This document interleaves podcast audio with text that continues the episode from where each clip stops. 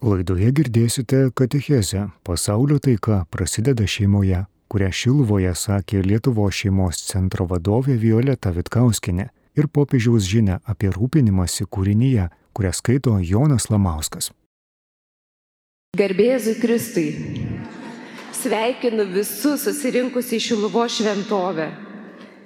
Tikrai labai gera vieta ši čia būti, atnešti savo džiaugsmus, atnešti savo rūpeščius Dievo motinai. Aš esu Violeta, 15 metų santokoje, mes su vyru auginame tris paauglius. Dirbu šeimos centre. Pasidalinsiu savo išvalgomis apie šeimą. Vėliausiai kalbėsiu seneliams, nes jie kantriausi ir nepabėgs.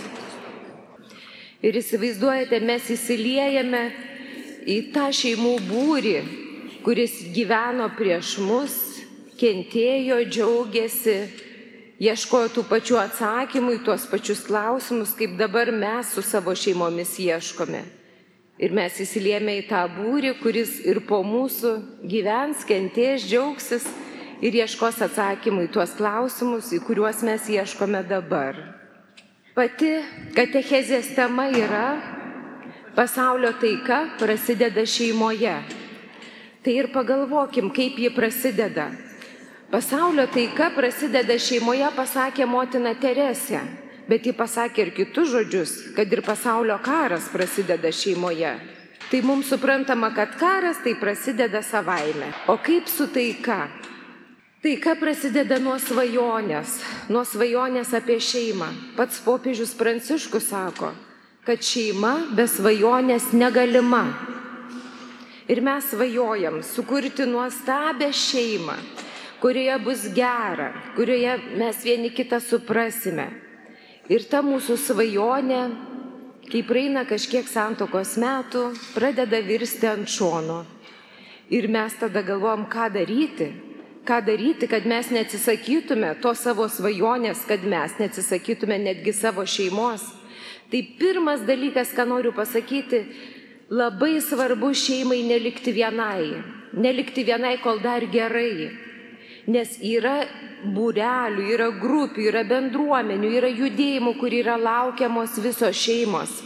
Jeigu kartais nežinote, aš išvardinsiu, Lietuvoje yra bent geras dešimtis šeimų, judėjimų ir bendruomenių, kur tinka kiekvienam.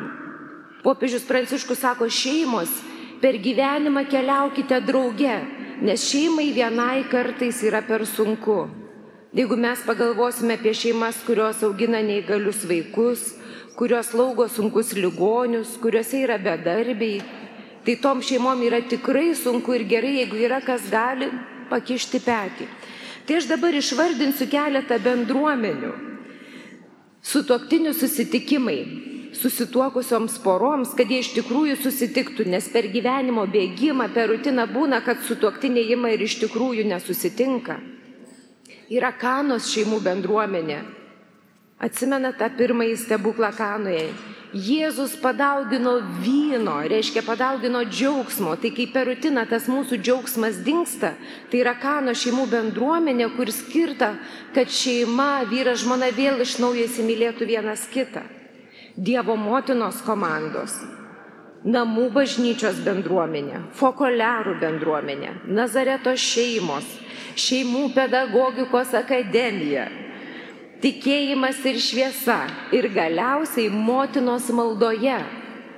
Žinot, mus mamas kars nuo karto apima rūpestis, o kartais net ir neviltis, kur tie mūsų vaikai eina. Tai kad tas rūpestis neužimtų per daug vietos, yra toks judėjimas motinos maldoje ir galima jį pakviesti į bet kurią parapiją. Jeigu nežinot kaip, kreipiamės į savo kleboną ir jis pasakys, kaip šitą judėjimą atgabenti į mūsų parapiją, kad mes galėtume melstis už savo vaikus vietoj to nerimo ar rūpeščio. Motina bažnyčia suteikė daug išteklių, daug resursų šeimoms, kad jos gebėtų ištesėti tai, ką pažadėjo. Popiežius Pranciškus kaip tik šitą mėnesį kviečia mus melstis už bendruomenės, įvairiausias bendruomenės, kad jos kelbtų gerąją naujieną, reiškia džiaugsmo žinę ir kad jos tarnautų kitiems. Jeigu mums vieniša, ieškokime bendruomenės, ieškokime ir rasime, paieškokime tos, kuri mums tiktų. Ir dabar grįžkime prie svajonės. Taigi, mes svajojam apie santoką, apie tą gražią šventę, investuojame į vestuves ir įvyksta tos nuostabios vestuvės įvyksta vestuvės, kai mes juose dalyvaujame, žiūrim į jaunuosius ir galvom, nu jie tai tikrai laimingai gyvens, jie tokie gražus, jie tokie malonus. Ir žinot, kaip ir mus, taip ir juos užpuola gyvenimo rutina, metai po metų ir tas grožis ir gėris pradeda blėsti. Ir kas ištinka? Ištinka toks dalykas, kad mes suprantame, kad šeima yra viskas, ko mes nesitikėjom. Vaikai gimsta arba vaikai negimsta, šeima negali susilaukti vaikų. Mes dirbame, mes tampame bedarbiais, mes sėkmingai įsigijame būstą arba nesėkmingai. Įvyksta įvairiausių dalykų, kurių negali perspėti, negali sugalvoti iš anksto. Jeigu kas man būtų pasakęs, kad aš būsiu trijų vaikų mama, nu, gal dar būčiau patikėjusi, bet kad mano Anita ir mano tėtis mirs beveik pailiui per vieną mėnesį, aš tikrai nebūčiau patikėjus. Jeigu iš anksto būčiau žinojus, galvočiau, kaip aš ištversiu. Tai šeima tikrai mes šeimoje atneša įvairiausi dalykai, kuriuos mes turime kažkaip suvirškinti. Ir tai yra pats tikriausias gyvenimo nuotykis. Ir norint sukurti taiką šeimoje, yra būtina šventumas. Atrodo skambus čia žodžiai.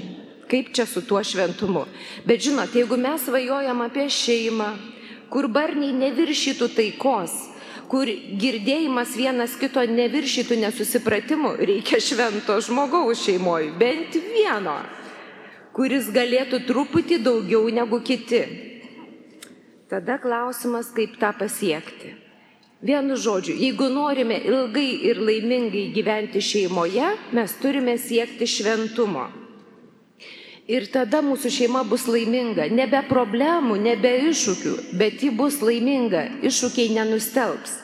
Nu pavyzdžiui, mes labai mylim savo vaikus ir labai mylim savo tėvus, o nukai myli senelius. Ir mes vieną kartą žiemą išsiruošėme į kaimą. Toli, beveik 300 km. Vaikai buvo maži, žiema, labai šalta žiema. Mes važiuojame automobiliu, prisegę visus vaikus ir viena kažkodėl pradeda rėkti ir reikia tiek visus tuos 200 su viršum kilometrų. Mes atsekti vaiko negalim, per traukėlės didelės padaryti negalim, nes taip šaltai lauką neišeisi pasivaikščioti, o vaikas labai supyko, kad prisegėm diržu automobilyje. Ir mes nustebom, kiek mūsų vaikas turi energijos šitie kilometrų išriekti.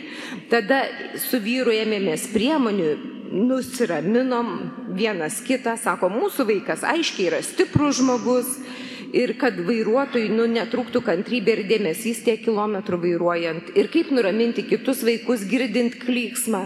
Viską mes įveikėm. Įvažiavom į tėvų kiemą, huh, visi atsikvėpėm, nes įveikėm pagaliau tą atkarpą ir tėvai sako, kaip smagu, kad atvažiavot, kaip jūsų kelionė. Mes susižvalgėm vienas į kitą gerai. Ir paskui tas tėvų džiaugsmas, tos vaišės po truputį išblėsino mūsų tą vargą kelionės ir mes labai džiaugiamės, kad pagaliau anūkai susitiko su seneliais ir kad pagaliau mes galėsime atsikvėpti. Tai tas šeimos džiaugsmas susideda iš tokių įvairiausių nuotykių. Ir popiežius Pranciškus sako, jūs tik pažiūrėkite į šventuosius sustoktinius. Jie paprasti, jie nėra nenormalūs. Ir noriu Jums priminti arba painformuoti, jeigu kartais nežinote, kad Lietuvoje yra šventųjų sutuoktinių Teresėlės tėvų relikvijos.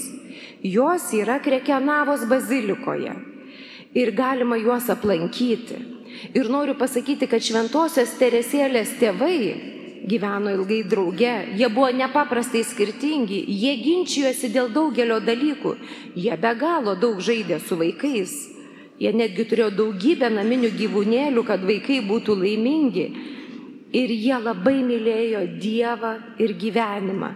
Ir juk mes irgi labai mylim Dievą ir gyvenimą. Ir kaip tada padaryti, kad šeimoje mes geriau siektume šventumo? Yra šioks toks atsakymas. Pernai metais Romoje vyko pasaulio šeimų susitikimas. Jis vyksta kas trys metai. Jo tema buvo šeimos meilė, pašaukimas ir šventumo kelias. Reiškia, šeimos meilė nėra rezultatas, tai yra kelias, kelias. Mes visą laiką mokomės mylėti. Ir šitame susitikime buvo nagrinėjama, nu kas tas yra šeimos dvasingumas. Juk labai daug grožinio nesukalbėsi, kasdienį mišes galbūt nenueisi. Tai kaip tada siekti šventumo šeimoje? Atrodo ir vyras trukdo, ir vaikai trukdo, ir žmona trukdo, ir dar Anita irgi trukdo. Visi trukdo siekti šventumo. Bet yra tikrai priešingai. Visi padeda. Visi jie padeda mums siekti šventumo. Tai kas tas šventumas šeimoje? Popiežius Pranciškus sako, ar jūs kur nors matėte žemėje Dievo veidą? Taip kaip pagalvoju, nu nežinau, nu gal. Ir jis sako, Dievo veidas yra šeima. Man plaukai pasišiaušė ant galvos, kai aš pagalvoju apie savo šeimą. Kokia ta Dievo meilė, nu baisiai netobula. Bet popiežius Pranciškus drąsina, sako, taip, taip, Dievo veidas yra šeima, mūsų meilė. Mes esam visada patys geriausi tėvai savo vaikams. Ir dabar yra trys momentai, ką labai svarbu daryti šeimoje, kad būtų šiek tiek lengviau pasiekti tą šventumą, kad mes būtume dvasingi šeimoje. Pirma užduotis šeimoje yra mylėti vienas kitą taip, kaip Kristus myli. Jūs įsivaizduojat, niekur nereikia išeiti šeimos Mes atsikeliam ir prašom kelias į šeimų į šventumą atvertas. Mes galime mylėti savo antrą pusę, savo vaikus, savo nukus, viskas vietoj. O kaip mylėti, kai vyras netaip elgesi, vaikai neklauso, Anita burbuliuoja ir aš pati nelaiminga. Kaip mylėti? Blogiausia, kad jeigu ne pagal mane, tai jau ir negerai. Jeigu ne pagal mane, tai jau ir neteisingai. Ir mes užstringam tame ir galvojam, gerai, aš paauklėsiu, išauklėsiu ir tada mylėsiu. Bet čia viskas yra atvirkščiai. Popiežius Pranciškus sako, jeigu jūs nusivylėte savo sutuoktiniu, tai labai gerai. Nu kur tas gėris? O gėris yra tame, kad nemaišyk savo sutuoktinio su Dievu. Jis ne Dievas. Jis neišpildys visų tavo norų svajonių ir tu ne Dievas, ir tu neišpildysi savo sutuoktinio lūkesčių ir svajonių. Mes turime suprasti, kad mes esame paprasti žmonės ir kad mes visi suklystam. Ir aš, ir jis, ir vaikai. Ir labai svarbu neužsirūstinti. Bet vis tiek šeimoje anksčiau ar vėliau ateina toks nusivylimo metas kai tikrai iš esmės galim nusivilti vienas kitų ir savim, nu kokia aš čia mama, koks aš čia tėtis, vyras, žmona, taip padariau durnų dalykų. Ir vienintelė tikra, tikra, pati tikriausia viltis yra ta, kad Dievas myli mus pirmas. Jeigu mes tik galim atsiminti, kokioje aš duobėjai bebūčiau šeimoje, kad Dievas mane myli tokia, kokia esu, vad pavargusi mama, nelaiminga mama, nu, vidutiniška žmona, kokia marti Dievas žino, tokia labai vidutinė, dar šiandien be nuotaikos. Ir Dievas mane myli, įsivaizduojat? Kai šita mintis pasiekė mano ne tik smegenis, bet ir širdį, aš tampu laiminga. Valio, Dievas mane myli dabar tokia, kokia esu. Tada aš myliu savo vaikus, tada aš myliu savo vyrą. Tada man yra lengviau. Bet jeigu mes savo meilę, savo tokį e, lauką dėmesio apribojam, kad mano vyras manęs vat nepakankamai myli, ne taip myli, tai aš nelaiminga, man gyvenime nepasisekė. Ne, man gyvenime pasisekė. Mane Dievas taip myli, kad aš mylėsiu tą vyrą taip, kad jis irgi mane labiau mylės. Aš mylėsiu savo vaikus taip, kad jie irgi mane labiau mylės. Tai dėl to mums reikia ieškoti Dievo kasdienybei, kad mes galėtumėm atrasti, prisiminti, kad Dievas mane myli neįsivaizduojamai.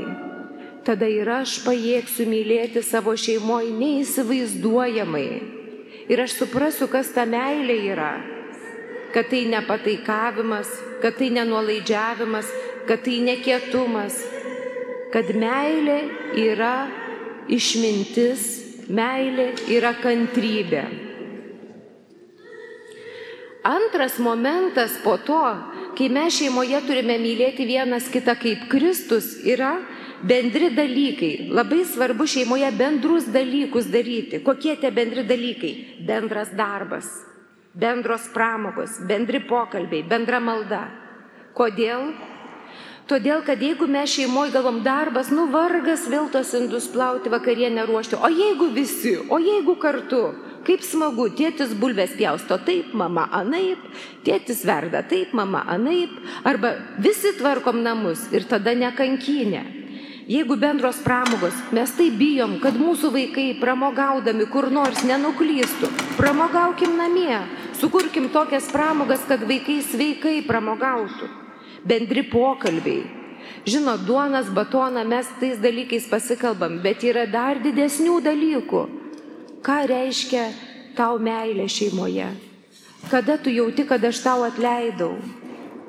Ar tu žinai, kaip mes sugalvom tau vardą? Pasikalbėti apie tokius dalykus. Ar tu pajutai šiandien Dievą savo širdį?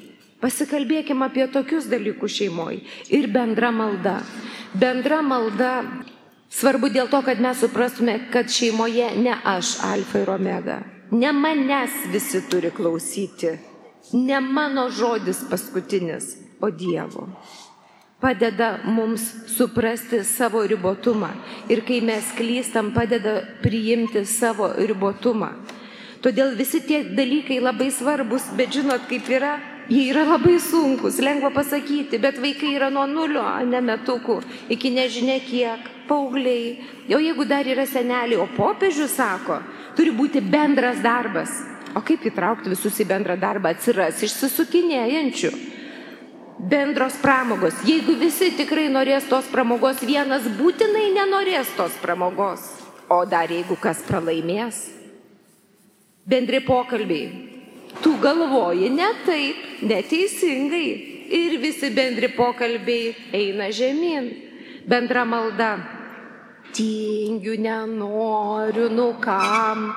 Mes visur susidursime su tam tikru pasipriešinimu, bet mums būtina rasti bendrus dalykus tam, kad mes išliktume šeima. Taigi šeima yra pati tikriausia šventumo kalvė. Sveiki atvykę, žinot, kalvio darbas nelengvas, karšta, taip ir šeimoje. Galiausiai popiežius sako, atvirumas kitiems labai svarbus. Trečias dalykas, ko šeimoje reikia laikytis, tai atvirumo kitiems. Ką reiškia, kad aš esu dosnus savo vaikams, savo žmonai, savo vyrui, stengiuosi išgirsti, ko noriu, pamatyti, padėti, užbėgti už akių. Aš padedu kaimynams, aš padedu giminėm, bendradarbėm, tiek, kiek galiu, taip kaip moku. Tas pagalba svarbiausia yra pastebėti kitą žmogų. Neapsimesti, kad jo nėra. Ir dabar noriu pasakyti patį nuoširdžiausią žodį seneliams. Jūs žinot, kad popiežius įsteigė senelių dieną, pasaulinė senelių diena per Oną, Šventą Oną ir Šventą Joakimą. Šiemet ji jau švenčiama bus trečią kartą. Liepos 23 diena bus senelių ir senolių diena. Ir jos tema yra Jis maloningas iš kartos į kartą.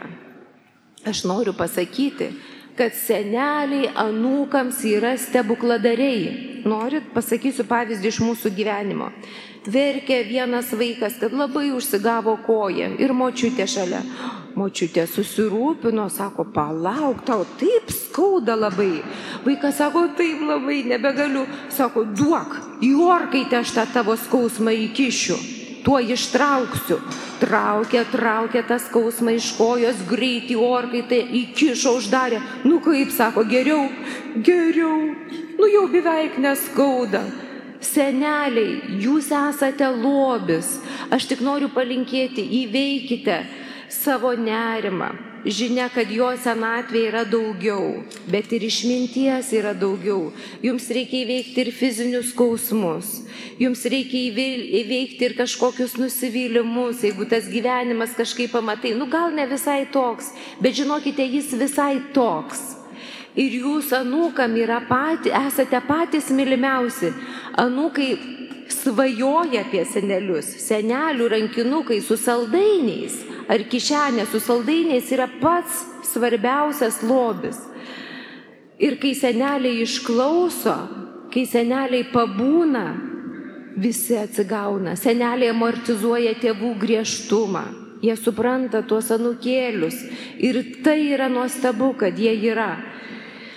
Galiausiai Svarbiausia senelių užduotis yra paruošti anūkus amžinybei, supažindinti su Dievu. Tėvai kartais nespėja, kartais nesureikšmina, bet seneliai jau žino, kas yra svarbu. Jie buvo ten, kur mes dar tik būsime. Ir apie senelius labai gražiai sako viena Afrikos patarlė, kad seni žmonės tai yra biblioteka, kurios ne kiekvieną knygą mes galime perskaityti Kartais mes nesuprantame senų žmonių, kartais tikrai yra kažkoks sunkus būdas.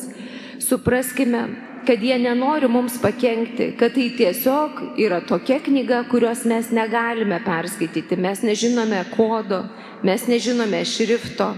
Pasistengime būti geri, nes anksčiau ar vėliau mes atsidursime toje pačioje vietoje kaip ir tie mėly seneliai. Galiausiai, kai gyvenimas pripildo mus sočiai, kai jau mums sunku nuo gerų ir visokių dalykų, aš noriu priminti, kad mes tikrai nesame vieni. Aš pacituosiu popiežiaus mintį iš Amoris Leticija, meilės džiaugsmo, dokumento apie šeimą, ką jis sako. Marijos širdies lobynė yra visi kiekvieno iš mūsų šeimos įvykiai. Visi mūsų šeimos įvykiai, kuriuos ji rūpestingai saugo. Todėl ji mums gali padėti savo šeimos istorijoje atpažinti Dievo žinę. Kaip tai yra svarbu, kad mes neprarūktume, kad mes neapkarstume, kai mes suprasime Dievo žinę savo šeimoje, mes matysime viltį, mumise gyvos džiaugsmas. Ir tikrai nėra nei vienos beprasmės šeimos, nei vienos. Tai melskime Marijos, kad mes atpažintume Dievo žinę savo šeimai, kad ir kitos šeimos atpažintų Dievo žinę savo šeimai.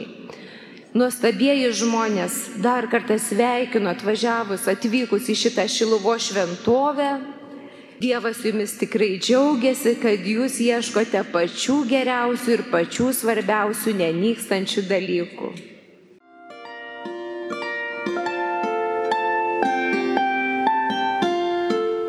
Jūs girdite Marijos radiją.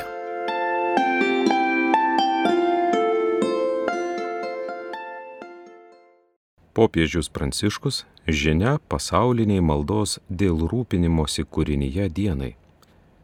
Brangus broliai ir seserys. Tesilieja teisingumas ir taika. Tokia yra šių metų ekumeninio kūrinijos laiko tema, įkvepta pranašo Amoso žodžių. Te Vilnyje teisingumas lik upės srovė, o teisumas tarsi tekanti upė. Šis išraiškingas Amoso įvaizdis mums kalba apie Dievo troškimą. Dievas nori, kad viešpatautų teisingumas. Jis yra toks pat svarbus mūsų, Dievo vaikų, sukurtų pagal jo paveikslą gyvenimui, kaip vanduo būtinas mūsų fiziniam išlikimui. Šis teisingumas, kad galėtų mus palaikyti, turi reikštis ten, kur jo reikia, o ne likti paslėptas gelmėse ar išnykti kaip garuojantis vanduo. Dievas nori, kad kiekvienas žmogus siektų būti teisingas kiekvienoje situacijoje, stengtųsi gyventi pagal jo įstatymus ir taip sudarytų sąlygas visapusiškai klestėti gyvybei. Kai pirmiausiai ieškome Dievo karalystės, palaikydami teisingus santykius su Dievu, žmonija ir gamta, tuomet teisingumas ir taika gali tekėti kaip neišsenkantis tyro vandens rautas, maitinantis žmoniją ir visus kūrinius. Gražią vasarišką 2022 m.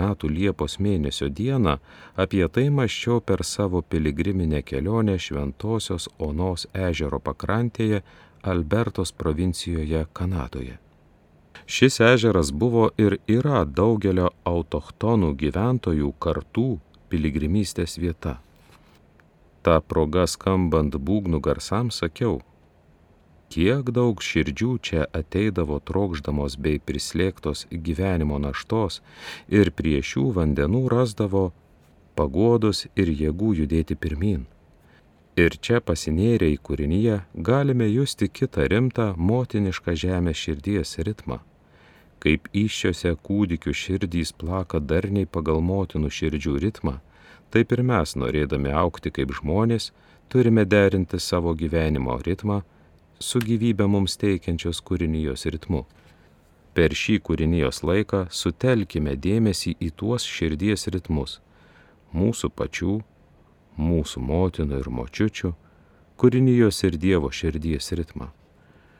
Šiandien šie dūžiai nėra suderinti, jie neplaka draugė teisingumu ir taika. Daugybei žmonių trukdoma atsigerti iš šios galingos upės.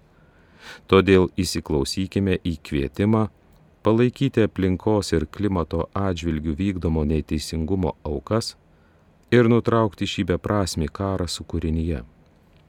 Šio karo padariniai matomi daugybėje išdžiūvusių upių. Išorinių dykumų pasaulyje daugėja, nes didelės tapo vidinės dykumos.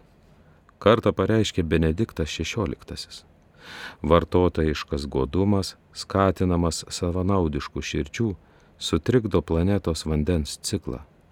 Dėl besaikio iškastinio kūro naudojimo ir miškų kirtimo kyla aplinkos temperatūra ir didžiulės sausros.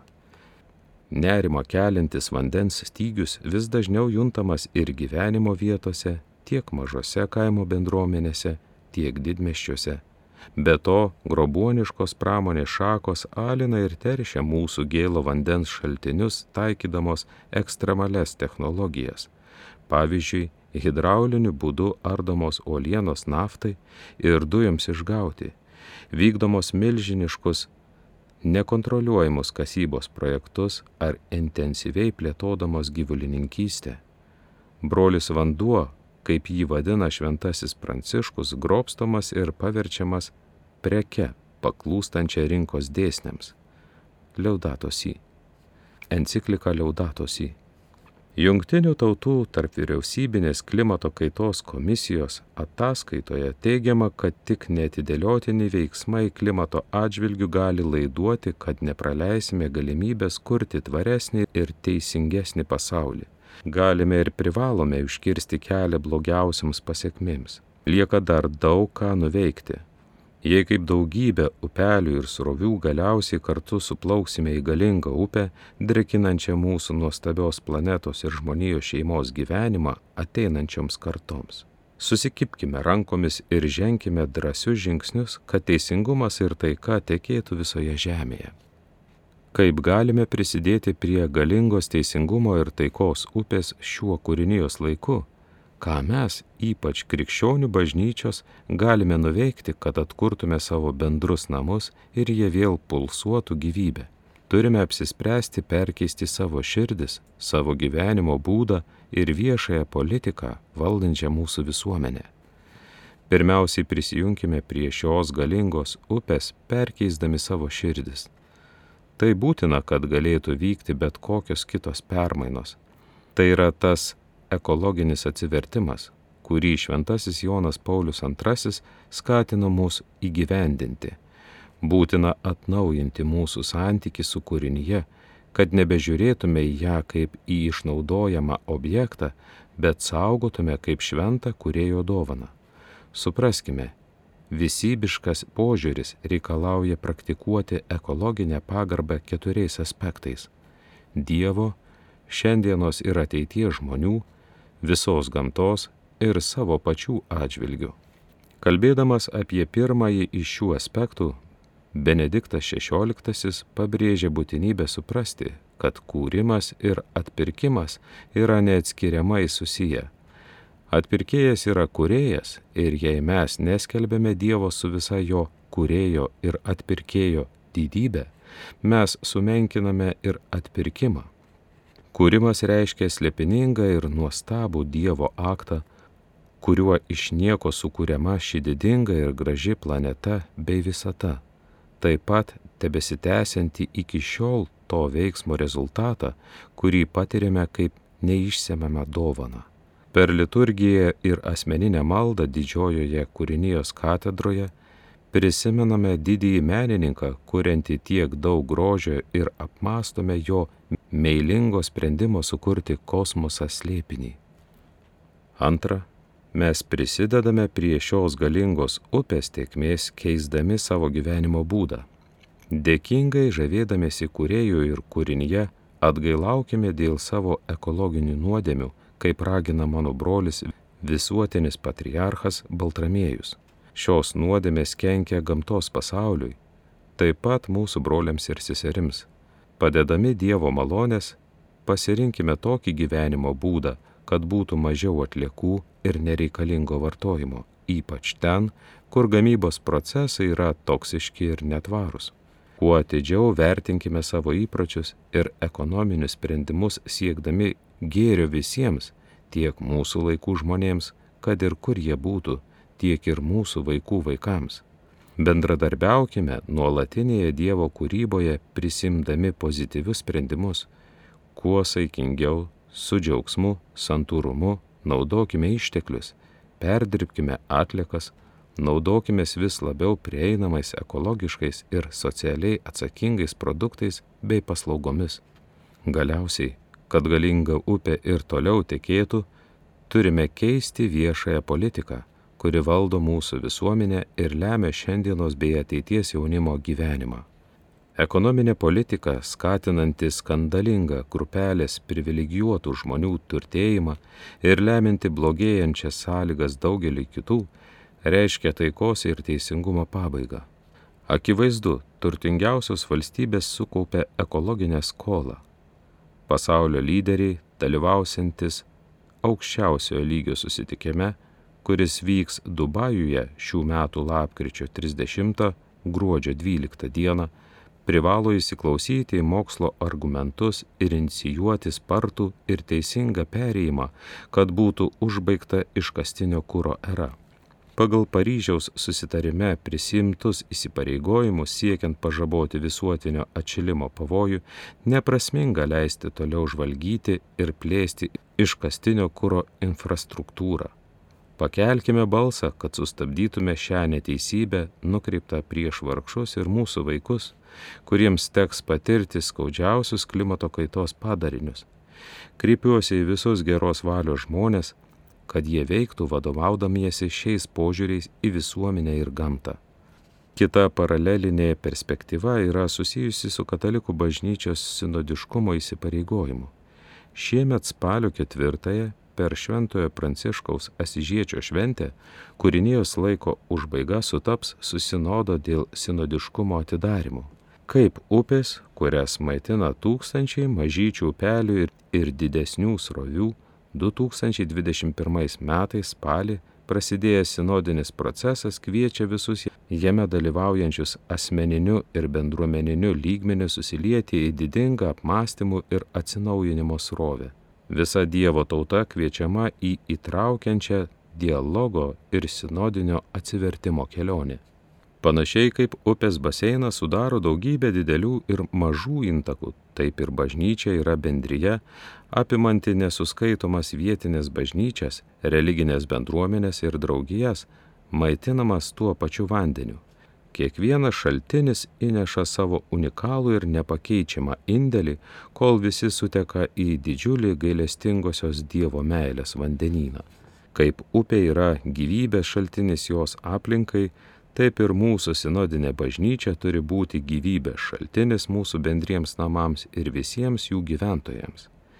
Ir kaip upė teikia gyvybę visų rūšių gyvūnams ir augalams, taip ir sinodinė bažnyčia turi teikti gyvybę, sėdama teisingumą ir taiką kiekvienoje vietoje, kurią ji pasiekia.